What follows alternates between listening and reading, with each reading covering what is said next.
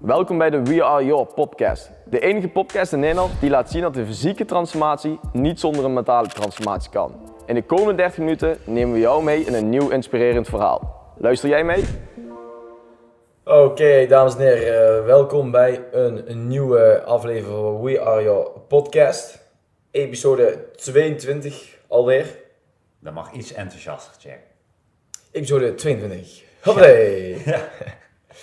Eh, en als ik jou vertel, Brian, dat eh, jij nu het woord moet nemen, hoeveel sociale druk voel je dan?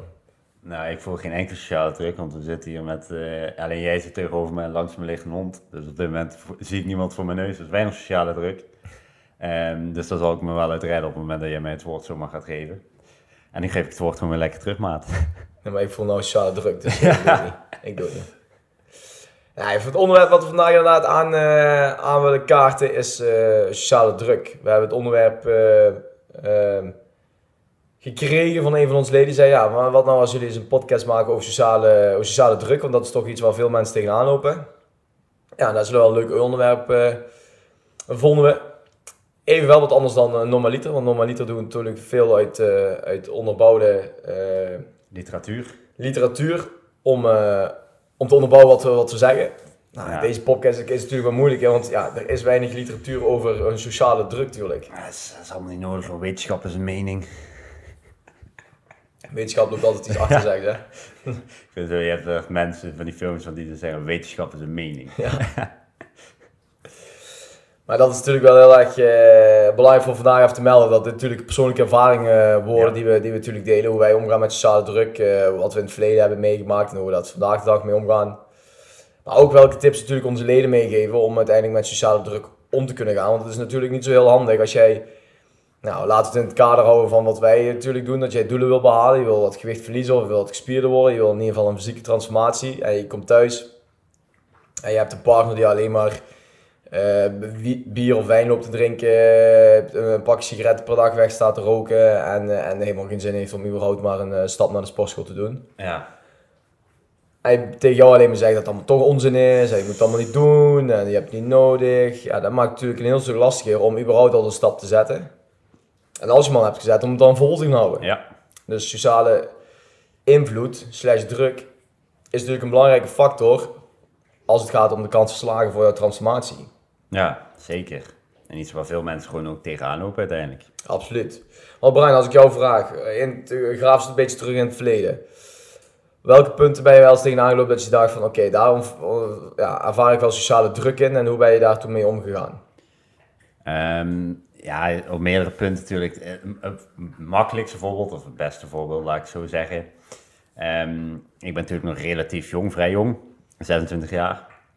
Dus um, in mijn 18, zeg maar mijn tienerjaren, um, toch de sociale druk bijvoorbeeld van het meedoen drinken en inderdaad volle bak suipen, uh, elk weekend uitgaan, dit en dat doen. Um, tegenwoordig drink ik nauwelijks meer. Um, ook om een simpele reden, ik vind het eigenlijk helemaal niet zo heel lekker, moet ik zeggen. Uh, en in die tijd, als ik op terugdenk, denk ik ook van, het is niet dat ik dacht van, oké, ik wil echt per se drinken. Of vind het super lekker om uh, op een avond 20 bier naar binnen te keilen, zeg maar. Uh, maar dat is gewoon sociale druk. De rest doet er mee. Je moet gezellig meedoen. En dan denk je, ja, dan ga ik ook maar meedoen. Dan is het gezellig, nog leuk. Uh, terwijl je inderdaad gedurende die tijd leert van, ja, oké, okay, als ik nou een keer niet drink, hoe, hoe is het dan? Is het dan echt dus daadwerkelijk zo minder leuk als je misschien van tevoren denkt, of misschien wel bang voor bent, onbewust vaak. Uh, en als je eenmaal hebt gedaan, denk je van, oké, ja, het valt eigenlijk wel mee. Ik, het, is, het is nog steeds best wel leuk. Uh, nog steeds best wel uh, gewoon gezellig, ook als je niet drinkt. De rest drinkt toch, dus je kan er ook best prima mee lachen als de rest uh, flink aangeschoten is. Um, dus dan ervaar je op een gegeven moment van oké, het is eigenlijk het is meer de gedachte die je tegenhoudt en echt iets anders op dat moment. En dan ga je op een gegeven moment die klik maken van oké, ik kan het ook gewoon eens niet doen en dan kijken hoe dat inderdaad gaat. terwijl de anderen misschien wel verwachten van oké, ja, en dan heb die opmerking heb ik vaak gehad van ah, dat is toch niet gezellig of doe gewoon gezellig mee. Of waarom zou je niet drinken? ja, kan het ook omdraaien. Waarom zou je wel drinken? Als je niet wil, welke positieve kant heeft het dan op dat moment voor je nog daarin? Ja. Mooi verhaal. Mooi verhaal. Ik denk dat er veel, uh, veel uh, mensen die aan hun doelen werken en niet per se bij bepaalde leeftijden, natuurlijk rondom die leeftijdscategorie kom je in aanraking natuurlijk met in het weekend lekker feesten, lekker drinken. Uh, maar ook op latere leeftijd. Ik denk dat er nog heel veel mensen rondlopen natuurlijk die daar uh, zitten we, uh, tegen te vechten van oké, ik wil graag veranderen. Maar ja, als ik in het weekend natuurlijk sociale, sociale afspraken krijg, ja, dat zijn toch vaak mensen die drinken. En dan, ja, dan moet ik, tussen haakjes, moet ik gezellig meedoen. Ja. en daar gaat het fout. Ja. Dus dat is ook, dat zie je natuurlijk wel heel erg vaak. Ja, vaak is het inderdaad eh, heel vaak uh, wat terugkomt inderdaad, en dat is ook een beetje de sociaal druk inderdaad, is uh, dat je bang bent inderdaad voor de reactie van anderen daarin. Wat hun verwachten. Stel nou dat, stel ik zou het niet doen, wat zou hun dan van me vinden? Of zou hun dan negatief over me denken? Of inderdaad iets anders. Dat is vaak inderdaad het probleem wat erachter zit. dat je gewoon bang bent van de reactie van anderen om je heen daarop. En dat is inderdaad ook waarom je uh, in ieder geval ik in die tijd bijvoorbeeld dronk of andere keuzes maakt van oké, ik, ik, moet dit gaan doen. Dat verwachten misschien anderen wel van mij. Zonder echt nou stil te staan van oké, maar stel dan wat ik niet doe. Wat gebeurt er dan? Geeft het dan daadwerkelijk gevolg? Want vaak uh, gebeurt er niks. Misschien heel even heel kort inderdaad. Dat mensen beginnen denken, dat is een beetje gek, doe niet zo raar. Of doe niet zo raar. Uh, maar binnen de kortste keren is dat ook weer over. En dan zie je eigenlijk dat de negatieve kanten er nauwelijks aan bestaan om, niet, om niet toe te geven daaraan. Nee, het is gewoon een standaard natuurlijk, hè, wat, wat, wat wordt geprogrammeerd vanaf je bepaalde leeftijden om, uh, om te gaan doen. Dus inderdaad, in het weekend uh, gaat, uh, gaat, gaan een flesje bier open en wordt er gedronken. En, en voor de meeste mensen is het dan ook zo, hoe gek het ook klinkt, dan kunnen ze even twee dagen uit de realiteit stappen. Ja, dat is heel vaak. Lekker even losgaan en vervolgens inderdaad weer een week lang op de werkvloer te moeten beuken. Uh, de kijk maar naar carnaval, daar is natuurlijk heel veel mensen die even drie, vier, misschien wel vijf dagen even lekker vijf dagen zichzelf kunnen zijn. Ja. En daarna moeten ze weer terug in het regime en dan uh, is natuurlijk de lol weer voorbij. Dus ja, die profiteren natuurlijk maximaal van carnaval om uh, even helemaal zichzelf te kunnen zijn. Ja, er heeft iemand zei een keer tegen mij, als je echt puur leeft voor het weekend, dan gaat er eigenlijk iets niet helemaal goed. Nee, absoluut niet. Dan inderdaad zou je eigenlijk iets moeten aanpassen daarvoor. Ja, dat is een wijs man. Wijs man. Als ik het wel? Nee, nee. Ah. Kan ik me niet voorstellen namelijk. En hoe zit het bij jou, Thierry? Want ik ken uh, misschien wel een aantal punten inderdaad daarin, maar hoe heb jij uh, vroeger, of misschien wel nu nog steeds sociale druk ervaren? Uh, ja, om niet in, in herhaling te vallen natuurlijk. Ik heb ook wel dat, die jaren natuurlijk meegemaakt dat je dat weekenden inderdaad met drinken en feesten, dat je daarin uh, gezellig, gezellig meedoet, absoluut. En dat je natuurlijk gewoon de meerderheid volgt. Als de meerderheid linksaf gaat, ga je ook linksaf. En gaat de meerderheid rechtsaf, dan doe je dat ook ik ervaarde dat zelf veel meer, ehm, als ik terugkijk naar de tijd van toen, dat het heel veel te maken heeft met een stukje zelfvertrouwen. Ja. Dat stukje mis je voor een deel, of misschien wel helemaal, waardoor je toch uh, met de groep mee gaat doen om erbij te willen horen. Want als je inderdaad, zoals jij zegt, het andere kant op doet, dus inderdaad dat je niet drinkt en mensen maken daar een opmerking over, of ze vinden daar iets van, dan trek je jezelf dat veel te veel aan. En daarom ga je maar gewoon mee met, uh, met de flow van de andere mensen. Om in ieder geval te voorkomen dat dat gebeurt. Het is niet het eens dat je dan wil drinken, maar om te voorkomen dat je niet in ieder geval die opmerking gaat krijgen. Ik denk voor, ja, herkenbaar voor heel veel mensen in een bepaald deel van, van hun leven. Hedendaags minder natuurlijk last van, maar als ik even teruggraaf naar het verleden. Uh, sociale druk. Uh, nou, misschien ook wel uh, op het begin de heel erg de, de druk hebben om, om te moeten presteren. Iets, iets van je leven te moeten maken en, en een mhm. bepaalde carrière natuurlijk wel te moeten kunnen opbouwen. Ehm, en ik denk dat het ook veel te maken heeft met ehm, ehm, dat de online wereld natuurlijk een, een, een, heel, een heel groot deel heeft geopend. Dat je van alles en van iedereen voort kan zien wat hij heeft, wat hij doet, hoe goed ze het eigenlijk hebben. Dat is dan wel vaak de online wereld. Hoe goed ze het eigenlijk hebben is altijd maar fictief, want ja, de negatieve dingen posten natuurlijk niet. Nee.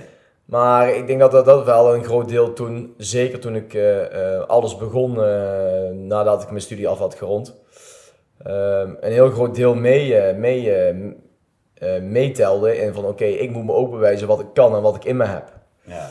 En nog niet zozeer voor mezelf, absoluut niet. Op dat moment dacht ik alleen maar oké, okay, zo kan ik de rest laten zien wat, ik, wat ik in me heb. En dus was het eigenlijk meer een druk van buitenaf. Ehm, Terwijl het eigenlijk niet stond. Dat bestond eigenlijk alleen in mijn hoofd om, dat, uh, om dat te laten zien. Want niemand die zei ook tegen me van oké, maar je kunt dit niet of dat moet je niet doen of zus moet je doen. Dat werd helemaal niet tegen me verteld. Ik kon gewoon doen en laten wat ik wilde.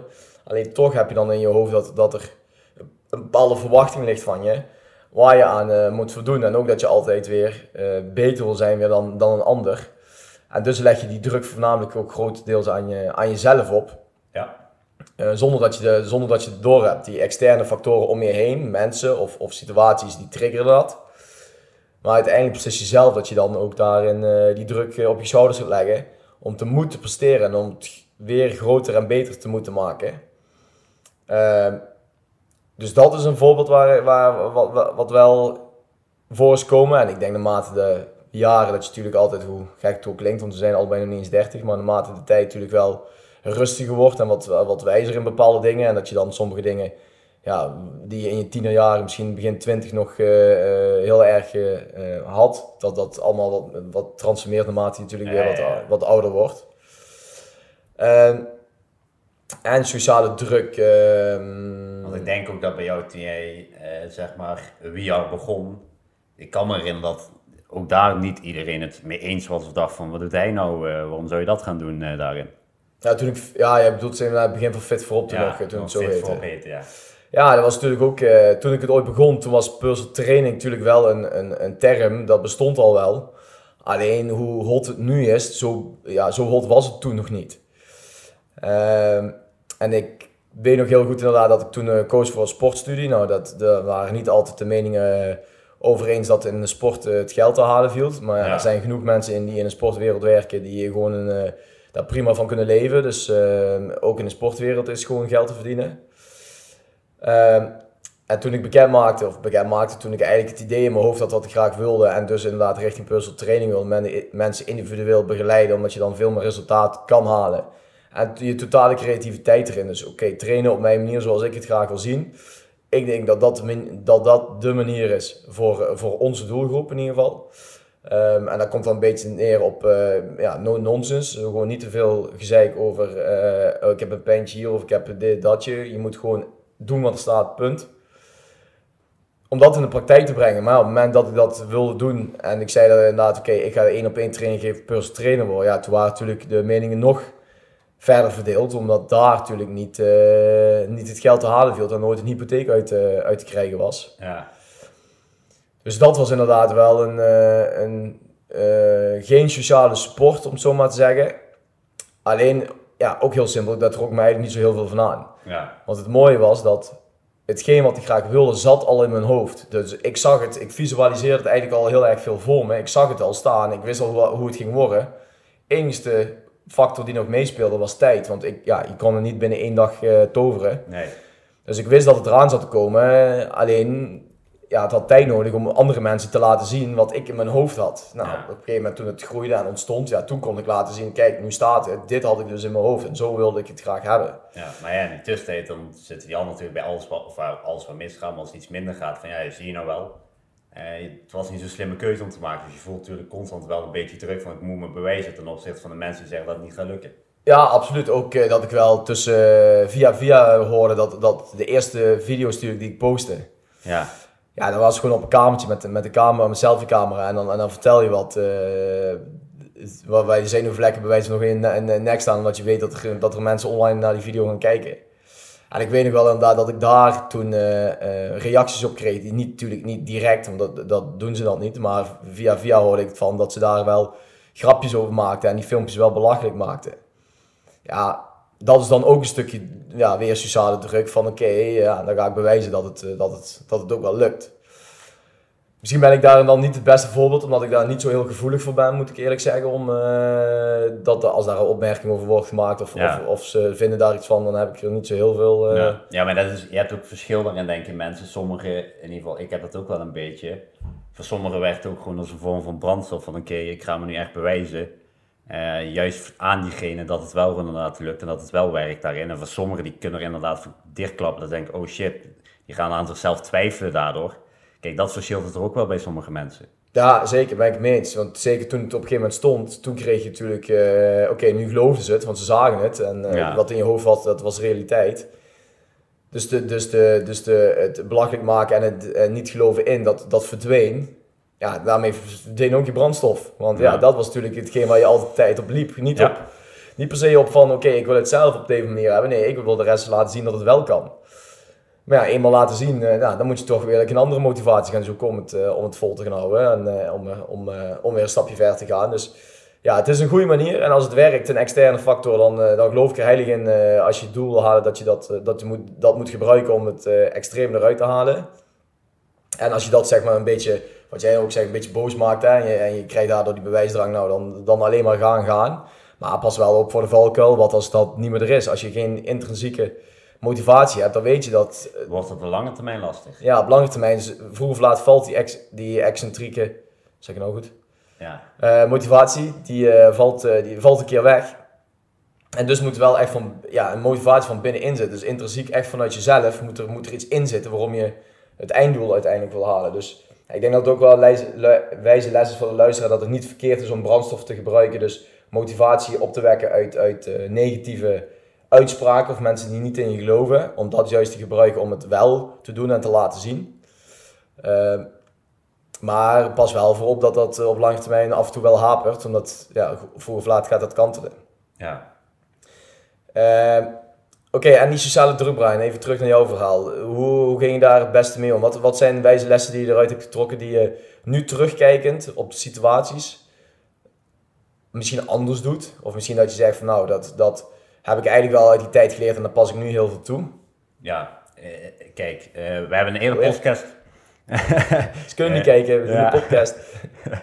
we hebben een eerder podcast al uh, besproken ooit over mijn burn-out. Sterker nog, volgens mij was de allereerste, hebben we toen een half uurtje gepraat over mijn toen de tijd in de burn-out.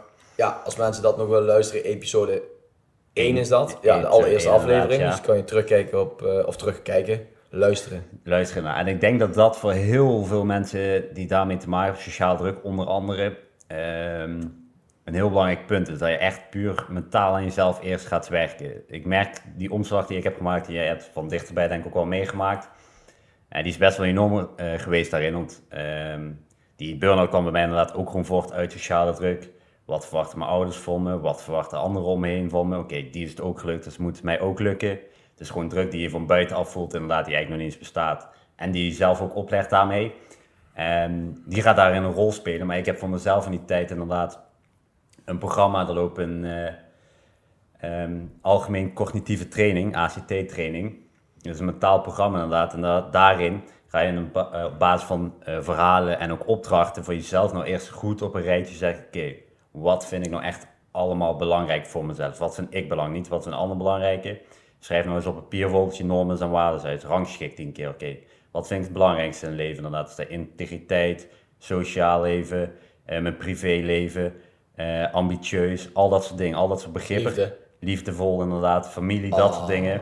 Dat allemaal op, opschrijven voor jezelf en rangschikken van oké, wat vind ik nou belangrijk daarin? En leef ik daar op dit moment ook echt naar? Ja, met andere woorden, blijf je dik bij jezelf. Ja. Ik heb die opdracht ook uit, uit moeten voeren ergens een keer. Ik weet niet precies waar inderdaad, maar dan moest je inderdaad volgens mij tien kernwaarden omcirkelen. En daarna vroegen ze weer om weer vijf uit vijf kernwaarden kiezen uit die tien kernwaarden. Dus ook dat weer dichterbij te brengen. En dan wordt het op een gegeven moment lastig, want dan moet je een aantal af laten vallen natuurlijk. Ja. Uh, maar dat, dan kom je natuurlijk wel heel erg bij oké, wat jij ook zegt wie ben ik eigenlijk? Dat is eigenlijk de vraag die dan stelt. Ja. Wat, is voor mij, wat staat voor mij centraal in leven en wanneer ben ik gelukkig? Nou, als deze vijf kern, kernwaardes, kerncentrales, kernwaardes, komt het dat ik gisteren een gesprek had met iemand over kerncentrales. Maar uh, deze kernwaardes, uh, um, pas ik die toe in mijn leven? Zijn die zeg maar als rode draad door mijn leven? Ja, en als dat niet zo is, dan zul je merken inderdaad dat je daar vroeg of laat onder gaat lijden. Ja, en dat is inderdaad, dat was eigenlijk de eerste opdracht waar ik me toen nog echt kan herinneren die ik ook moest maken. En dat was al een beetje startpunt van ik dacht, oké, inderdaad in mijn huidige leven doe ik eigenlijk helemaal niet wat belangrijk is. Bijvoorbeeld, heel kort voor mij gezegd, ik werkte best wel veel in die tijd, ik werkte in logistiek. Uh, heel veel overuren, ik nam eigenlijk nooit vrij of iets dergelijks. En toen ik dat, die opdracht maakte, inderdaad, kwam naar voren dat ik volgens mij de balans tussen werk en privé heel belangrijk vond, maar dat die in mijn eigen leven totaal zoek was geraakt, min of meer. En dat soort dingen ga je dan merken, oké, wat vind ik nou echt belangrijk en leef ik daarnaar? En dat soort kleine aanpassingen, teruggaan naar de kern binnen jezelf van oké, ik moet mijn huidige leven weer gaan indelen, dat ik leef naar de waarden die ik belangrijk vind bijvoorbeeld. Ja, en als dan bijvoorbeeld een kernwaarde van, van die jij hebt gezondheid is of vitaliteit, ja. dan dien je dat ook toe te passen inderdaad in, uh, in weekenden. Als je dan in de weekenden Kijk, een borreltje op zijn tijd moet altijd kunnen. Maar als je dan in het weekend eh, inderdaad je laat zelf, jezelf laat ondersneeuwen door sociale druk en je gaat ieder weekend aan de drank en misschien ook wel erger. Ja, dan stap je zo ver af van je eigen kernwaarden, dat je dat vroeg of laat merkt dat je daar natuurlijk onder gaat lijden opnieuw. Dus wat jij inderdaad, een wijze les die, die, die we luisteraars natuurlijk kunnen meenemen, is om dicht bij jezelf te blijven. En ik denk zelfs als je dit googelt, kernwaardes, iets in die trant, zeg maar, dat je daar best wel een opdracht voor kan vinden. Ik zal eens even kijken of ik het snel kan vinden. Kernwaarden. Een opdracht uh, voor kan vinden die je dan zelf kan uitvoeren. Ja, ik heb hier inderdaad een lijst. Uh, als je gewoon kernwaarden lijst intypt, uh, de eerste staat meteen de flinke lijst met aandacht, affectie, assertiviteit, authenticiteit, autonomie, avontuur, balans, barmhartigheid, bekwaamheid. Van alles en nog wat, heel veel begrippen. Dat is inderdaad een voorbeeld daarvan, wat we net hebben benoemd. En daar staat inderdaad ook inderdaad boven inderdaad, geef een top 10 aan van jouw waardesperspectief. Ja. Dat zou voor velen gewoon al een goede stap zijn om dat inderdaad gewoon op te zoeken en uit die lijst gewoon een keer, oké, okay, 10 woorden. 10 inderdaad begrippen daaruit te pakken. Uh, en dan merk je ook zelf dat het soms wel lastig is, omdat je bij sommige dingen ook wel denkt, ja, maar dat vind ik ook belangrijk. Maar ja, het is niet mijn top 10. Ja, je moet keuzes maken. Je moet keuzes maken en dat, uh, juist die begrippen zijn vaak van, oké, ik vind het wel belangrijk, maar het is niet mijn top 10. Dus ik moet er ook niet te blind op staan van, oké, bijvoorbeeld Um, ik vind gezelligheid vind ik wel belangrijk, maar het staat niet in top 10. Ja, oké, dan moet je dat niet leiden maken in je leven, want het staat nog niet binnen jouw top 10 bijvoorbeeld daarin. Precies. En als je dat wel doet inderdaad, dan leef je dus niet te leven naar wat je zelf zou willen daarin. Precies. Kijk, en dat is de opdracht en ik denk dat daar mensen wel eens langs schieten natuurlijk. Wij lezen regelmatig gewoon boeken, ook inderdaad over zelfontwikkeling en dat soort uh, mentale kwesties daarin. Dat is super belangrijk om dat te blijven trainen voor jezelf. Uh, dus de maken van opdrachten bij mentale programma's of gewoon een lezen van boeken. Uh, waarin je gewoon aan jezelf eerst gaat werken. En inderdaad, als je zelf op een bepaald punt staat, uh, dan kun je inderdaad ook daar makkelijker mee omgaan met met anderen van je vinden. Ja, ja, dus dat komt altijd natuurlijk weer op de kern neer. Natuurlijk een bepaald zelfbeeld wat je wil. Ja. Eerst wil verbeteren. Dat je goed weet wie je bent en waar je krachten liggen. En dat je dat optimaal weet te benutten. En dat je dan ook in je kracht komt. En daardoor veel minder aantrekt van wat andere mensen van je vinden. Of dat ze zeggen, ah, want we hebben ook zo'n bingo kaartje voor onze leden. Van oké, als je alle uitspraken hebt meegemaakt, dan, uh, dan roep. En dan krijg je een, een VR t-shirt van ons. Met, ah, eentje kan toch wel. En doe nou niet zo flauw. En wanneer ga je nou eens normaal eten? Er staan voor zoiets van 12 uitspraken op. Ik heb hem zo niet bij de hand. Maar dat, ja, als je die alle 12 hebt gehoord, wat bijna ieder lid gaat krijgen. Ja. Dan, dan heb je bingo en dan heb je prijs. Kijk, en dat zijn, die kom je heel veel tegen. En daar moet je een beetje in, immuun voor worden. Om ervoor te zorgen dat je, dat je je doelen wel strak en goed, uh, goed kan behalen. Ja, het, klinkt misschien een beetje cruel, maar uiteindelijk kun je er niet van uitgaan dat de mensen om je heen zomaar veranderen. En zo je makkelijkst is om zelf daarin te veranderen. En op het moment dat je dat hebt bewerkstelligd, dan heb je ehm, gewoon minder of geen last meer inderdaad van die mensen om je heen. Je kan de mensen om je heen niet zo van. Je kan wel aangeven, ja, ik vind het vervelend. Maar dan moet hun iets aanpassen in hun gedrag en dat zullen ze niet zomaar gaan doen. Nee, nee, nee, absoluut niet. En vaak zijn het niet, geen verkeerde bedoelingen nee, van nee, mensen, ze beschermen je alleen maar. En ze willen graag dat je mee, erbij hoort en dat je gezellig meedoet en zo. Alleen, uh, je moet daarin wel je grens natuurlijk aangeven. Wat vaak werkt, wat ik ook wel wil meegeven, aan de luisteraars, is ook een stukje dat je kijkt naar ook uitleggen in de kern waarom je iets doet. Niet alleen van, hey, ik hoef geen drankje, want ja, dan krijg je natuurlijk vaak een, bot, botte reactie terug. Maar leg ook gewoon echt uit waarom je dat niet wil. En dan moet je ook niet zeggen, ja, ik ben bezig met afvallen, want dat is een standaard antwoord en daar gaat ook iedereen iets over vinden. Maar leg uit waarom jij graag wil afvallen. En dat mag best een, best een persoonlijk verhaal zijn of dat er een bepaalde gevoelige snaar even bloot komt te liggen. Maar dan kun je dat wel in delen. Je zult merken dat iemand dan nog veel meer begrip voor heeft, omdat hij dan, dan weet in de kern van, oh, daarom wil jij dit zo graag. Ja. Nou, op dat moment uh, kan iemand vaak veel meer uh, begrip opbrengen en dan zal hij ook veel beter begrijpen waarom je dat niet doet en dan zal hij dat ook beter accepteren. Ja. Gelukkig zien we een kanteling dat natuurlijk steeds meer mensen echt in een uh, gezonder willen leven, dus dat ze het niet meer heel raar vinden als bepaalde mensen bepaalde eten of drinken niet meer aannemen of niet willen of hoe dan ook. Dus dat is alleen maar goed om te zien. Meer, inderdaad, ja, dat is natuurlijk alleen maar goed om te zien. Maar dat is ook wel dat is ook belangrijk. En ook als laatste misschien nog wel, maar ook heel belangrijk is, je hebt natuurlijk eh, een bepaalde sociale omgeving. En inderdaad, niet iedereen om je heen die zal dezelfde gedachten of hetzelfde belangrijk vinden wat jij vindt. Maar het is ook gewoon belangrijk om daarnaast ook nog mensen te zoeken of te vinden die wel inderdaad hetzelfde willen of naar hetzelfde toe willen werken als jij. Want dat zorgt ervoor dat je, dat je elkaar kan optrekken aan elkaar. En dat je niet te veel naar anderen hoeft te luisteren inderdaad om je heen die zeggen van ja, maar dat moet je allemaal niet doen, dat slaat nergens op. Nee, dus, dus die uitspraak van show me your friends and I will show you your future, dat is natuurlijk, komt niet voor niks. En Ja, wetenschap, dat is wel dan weer, weer wetenschappelijk uh, bewezen dat, dat, dat je veel meer gedrag kloont van, van mensen waar je heel veel mee omgaat. Ja. Het modelleren, dus het echt nadoen van bepaalde dingen in gedrag. Dat komt voornamelijk tot stand inderdaad natuurlijk wat je ja, in de eerste zeven, zeven le levensjaren komt het voornamelijk van, van, uh, van de grond af. Dus stel dat jij uh, ouders hebt die, een goed voorbeeld hier ligt natuurlijk Junior langs met onze hond. En, en, je hebt ouders die heel erg bang zijn voor honden en die in de, in de zeven jaren levens, levensjaren alleen maar zeggen pas op een hond, pas op een hond, afstand, afstand. Dan ga je de rest van je leven waarschijnlijk angst voor honden krijgen. Omdat Ja. dat zo is ontwikkeld in die eerste zeven jaar. En dan kom je dan bijna niet meer vanaf. Hetgeen wat jij, waar jij op geprogrammeerd bent, is in die e- eerste zeven jaar. En degene waar je het meest mee omgaat, zijn natuurlijk je ouders. Ehm, die zijn het meest bij je. Dus ook voor de opvoeding is natuurlijk erg belangrijk in de eerste zeven, zeven levensjaren. Blijft moeilijk. Dat, ehm, dat je een bepaalde boodschap wil meegeven aan, aan je kind. Uiteindelijk voor, eh, voor de rest van zijn leven. Want daar wordt echt, ja, hoeveel procent exact weet ik niet. Dat moet ik even schuldig brengen. Maar in ieder geval meer dan de helft zeker. Wordt geprogrammeerd hoe iemand later is eh, Ja. in gedachten en qua gedrag. Kijk, en dat show, you- eh, show me your friends and I will show you your future. Dat is dan het gemiddelde, dat je het gemiddelde bent van de vijf mensen waar je het meest mee omgaat. En in het programma van We Are The Game Changers, dat gaan we straks nog een keer eh, eh, kort uitleggen aan het einde van deze podcast, eh, staat een opdracht in module 7 volgens mij, waarin je in kaart moet brengen wie de mensen zijn waarmee je het meest omgaat. Dus je zet jezelf centraal, je maakt een soort mindmap. Je zet jezelf centraal en doorheen, ga je allemaal bolletjes maken met mensen waar je het eigenlijk het meest mee omgaat, waar je de meeste tijd mee doorheen brengt. En dan inderdaad moet je daarbij op gaan en gaan kijken of de gedachten die jullie hebben over bepaalde dingen, over bepaalde punten, bijvoorbeeld stel dat jij graag gezond wil leven en sportief wil zijn, oké, die mensen waar je dan veel mee omgaat, zijn die ook sportief? Hebben die dezelfde gedachten daarom?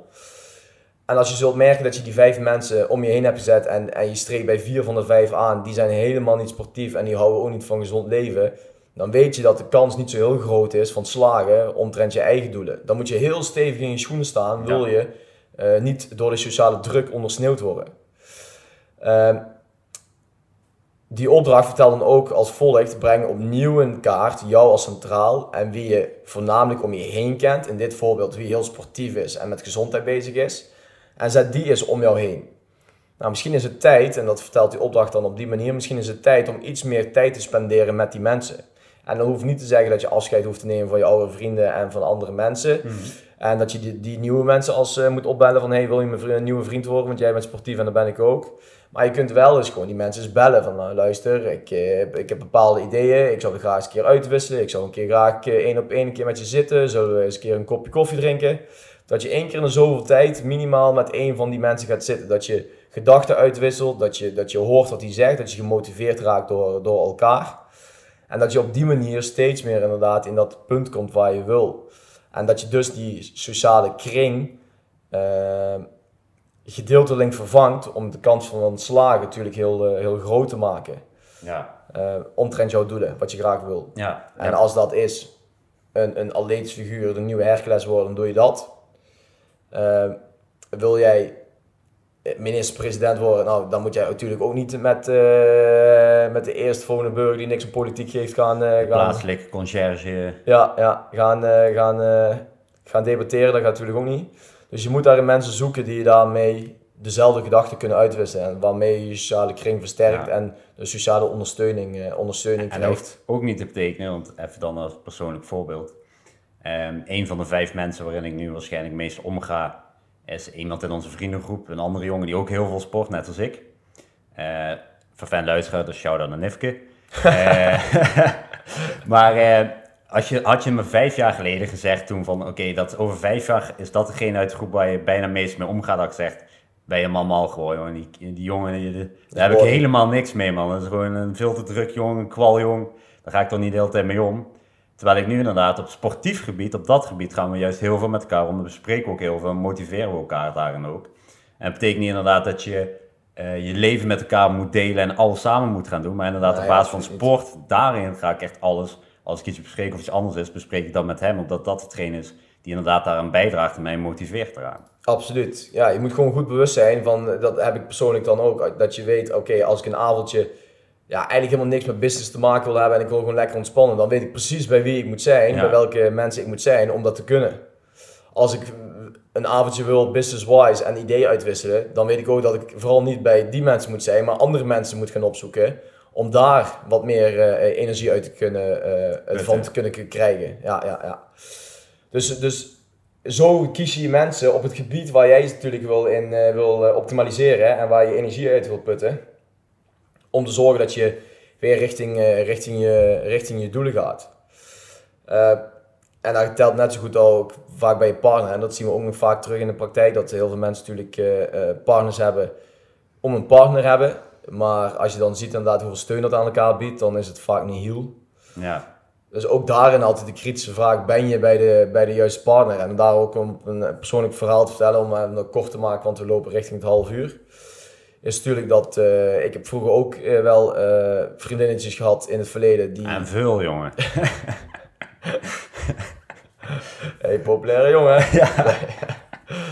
maar die, die, die, die, totaal niet matchen met mijn gedachtegang. Kijk, op dat moment denk je dat op het begin, maar nou, de, de een, bijvoorbeeld eentje die ik heb gehad, die was totaal niet sportief. Nou, dat liep al helemaal snel stuk, want ja, dat gaat natuurlijk niet handig als de een sportief is en de ander niet, want dan krijg je al gezeur, ga je nou alweer naar een sportschool.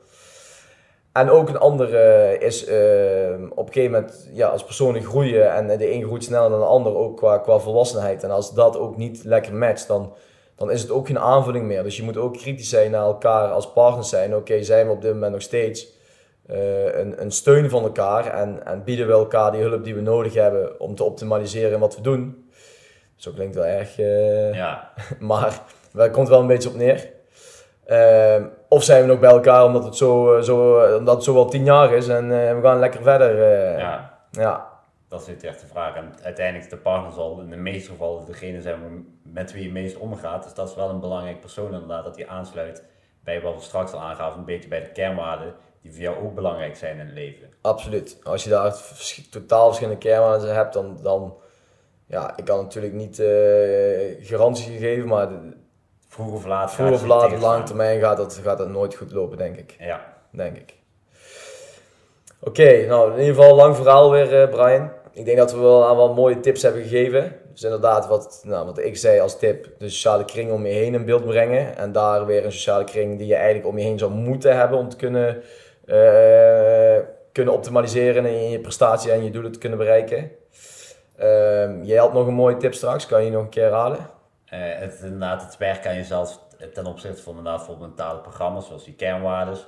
Of gewoon een lezen van boeken, luisteren van podcasts over zelfontwikkeling dat soort zaken zijn dan heel belangrijk om eerst aan jezelf te gaan werken en daarna inderdaad pas te kijken naar anderen daarvoor. Ja, precies. Dus zelfbeeld eerst inderdaad goed onder controle krijgen, dat je sterk in je schoenen staat. En om te zorgen dat als er dan ook een opmerking komt, want je ook zei dat niet iedereen verandert natuurlijk, dat je dat ook makkelijk kan incasseren, van je af kan laten glijden en lekker door. Yes. Oké, top. Wat we wel nog even willen aan, uh, aanhalen is natuurlijk dat deze podcast laat, uh, sluit volledig aan bij ons online programma van We Are uh, The Game Changers. Dat online programma gaat binnenkort weer van start. En dat betekent dat je daarvoor in kan schrijven. Als je naar de website gaat en je gaat naar onder in de footer, dan kun je We Are Game Changers aanklikken en dan kom je op de juiste website terecht. Dat is een online, dat is een online programma van acht modules waarin we dit volledig bespreken. Met onder andere de opdracht die ik zei, maar nog veel meer andere opdrachten. Om ervoor te zorgen dat je inderdaad sterker in je schoenen staat, mentaal wat dus Brian ook zegt, inderdaad blijven ontwikkelen, wat mentaal uh, sterker gaat worden, een beter zelfbeeld gaat krijgen. En dat je dat kan meenemen om tot de optimale prestaties te komen, ook in de gym, maar ook in combinatie dus met voeding en training uiteindelijk.